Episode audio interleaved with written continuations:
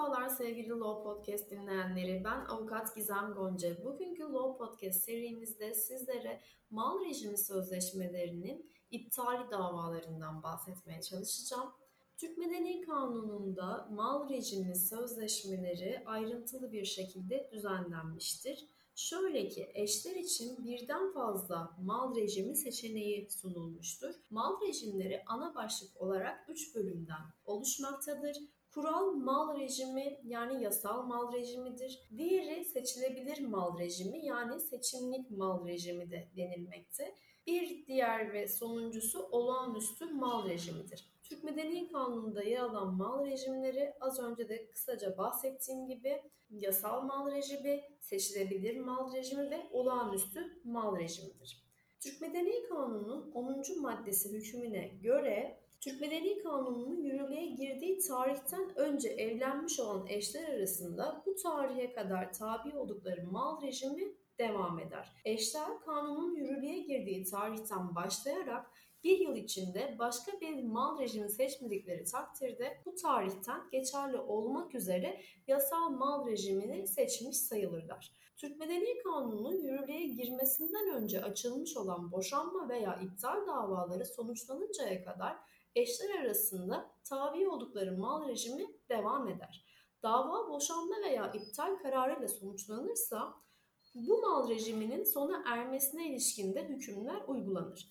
Davanın red halinde sonuçlanmasında ise kararın kesinleşmesini izleyen bir yıl içinde başka bir mal rejimi seçmedikleri takdirde kanunun yürürlük tarihinden geçerli olmak üzere yasal mal rejimini seçmiş sayılırlar. Bir yıllık süre içinde mal rejimi sözleşmesiyle yasal mal rejiminin evlenme tarihinden itibaren geçerli olacağını kabul, et, kabul edilmiştir. Yukarıda da ayrıntılarıyla anlatmaya çalıştığım gibi mal birliği veya mal ortaklığı rejiminin yasal mal rejimine dönüşmesi halinde Türk Medeni Kanunu'nun ilgili mal rejiminin sona ermesine ilişkinde hükümlerin uygulanacağı kanunda ayrıntılı olarak düzenlenmiş.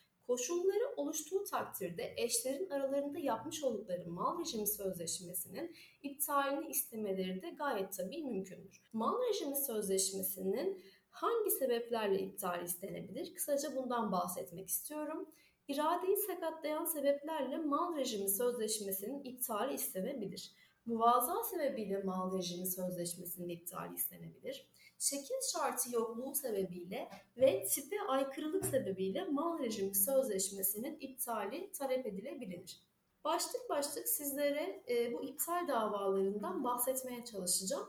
Birinci başlığımız iradeyi sakatlayan sebeplerle mal rejimi sözleşmesinin iptali davası. İradeyi sakatlayan sebeplerle mal rejimi sözleşmesinin iptalini talep edebilirsiniz. Bu davayı aile mahkemesinde açmanız gerekiyor.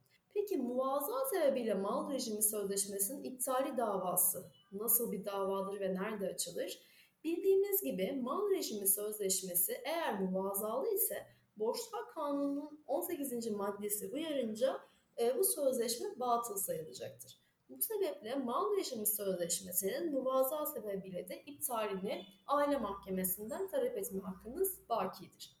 Diğer başlık ise şekil şartı yokluğu sebebiyle mal rejimi sözleşmesinin iptal davası. Küçükler ile kısıtlılar yasal temsilcilerinin rızasıyla mal rejimi sözleşmesi yapabilirler. Mal rejimi sözleşmesinin evli ya da evlenecek olanların imzalanmasından sonra yasal temsilcilerinin de imzalaması zorunludur. Kanun tarafından öngörülen bu nitelikli şekil şartları gayet tabii geçerliliği için önem arz etmekte. İhlal edilmesi halinde ise mal rejimi sözleşmesi kesin olarak hükümsüz hale gelmekte. Bu sebeple mal rejimi sözleşmesinin şekil şartı yokluğu sebebiyle de iptali istenebilir. Peki son başlık olarak tipi aykırılık sebebiyle mal rejimi sözleşmesinin iptali davası nedir?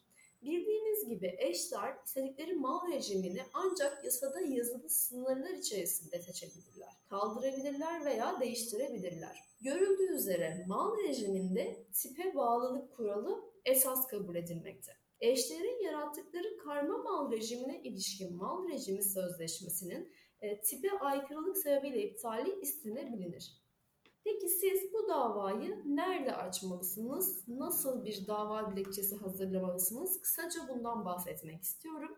Öncelikli olarak bu davalarda yetkili olan mahkeme aile mahkemesidir. Öncelikli olarak bu davalar aile mahkemesinde açılmalıdır. Eğer aile mahkemesi yoksa asli hukuk mahkemesi aile mahkemesi sıfatıyla bu davalarda görebilir. Dava dilekçesinde mutlaka davacı varsa vekiliniz ve davalıyı yazmalısınız. Dava konumuz ise mal rejimi sözleşmesinin iptali davası olacaktır. Peki siz dava dilekçenizde konuyu anlatırken nelere dikkat etmelisiniz? Kısaca bundan bahsetmek istiyorum. Öncelikli olarak bu davada eşinizle hangi tarihten e, bu yana evli olduğunuzu ve bu evliliğinizde hangi mal rejimini seçtiğinizi belirtmelisiniz. Şöyle örnek vermek gerekirse Davalı ile 1985 tarihinden bu yana evli bulunmaktayız ve mal rejimi sözleşmesi yapmadığımız için aramızda 1 e, Ocak 2022 tarihinden itibaren edinilmiş mallara katılma rejimi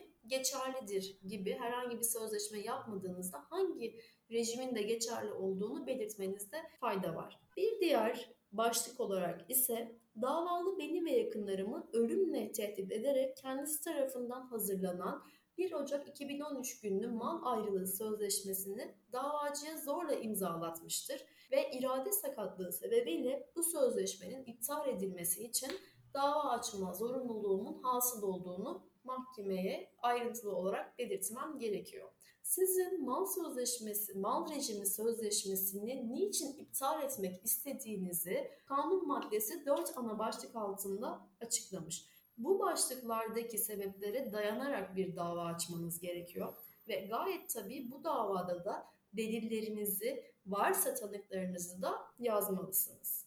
Yargıtay bu konuda çok önemli içtihatlar düzenlemiş. Sizlere birkaç tanesinden bahsetmek istiyorum. Şöyle ki, noterle düzenlenen mal ayrılığı sözleşmesinin hata ve hile sebebiyle iptali istenebilir. Noter bu konuda çok önemli bir kurumdur. Siz mal ayrılığı sözleşmesi yaptıysanız eğer ve bunu noterde yaptıysanız eğer burada bir hata ve hile varsa gayet tabii bunun da iptalini talep etme hakkınız bulunmakta. Bir diğer Yargıtay kararında ise mal rejimi sözleşmesi geçmişe etkili olarak yapılamaz demekte. Burada aile hukukunda tam ve sınırsız bir sözleşme serbestisi kabul edilmemiş, tam aksine özgür iradeye dayalı sözleşme serbestisinin sınırlı olarak kabul edildiğini görmekteyiz.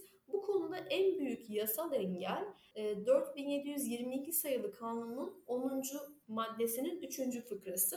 Bu nedenle taraflar arasında yapılan mal ortaklığı sözleşmesinin geçmişe etkili olarak uygulanması olanağı da bulunmamakta. Sonuç olarak dava konusu taşınmaz evlilik birliği içerisinde 1999 tarihinde edinilerek davalı eş adına kayıtlandığını ve bu dönemde de eski Türk Medeni Kanunu'nun 170. maddesine göre eşler arasında mal ayrılığı rejiminin bulunduğu döneme ilişkin bulunduğuna göre taraflar arasındaki uyuşmazlık Borçlar Kanunu'nun genel hükümlerine göre çözülmesi gerekirken mahkemenin dava konusu taşınmazın edinildiği döneme ilişkin olarak yok hükmünde bulunan sözleşmeye dayanarak karar vermesini Yargıtay doğru bulmayarak bozmuştur. Bir diğer Yargıtay kararında ise şöyle söylemekte. Türk Medeni Kanunu'nun yürürlüğe girmesinden önce açılmış olan boşanma veya iptal davaları sonuçlanıncaya kadar eşler arasında tabi oldukları mal rejimi devam eder şeklinde karar vermiştir.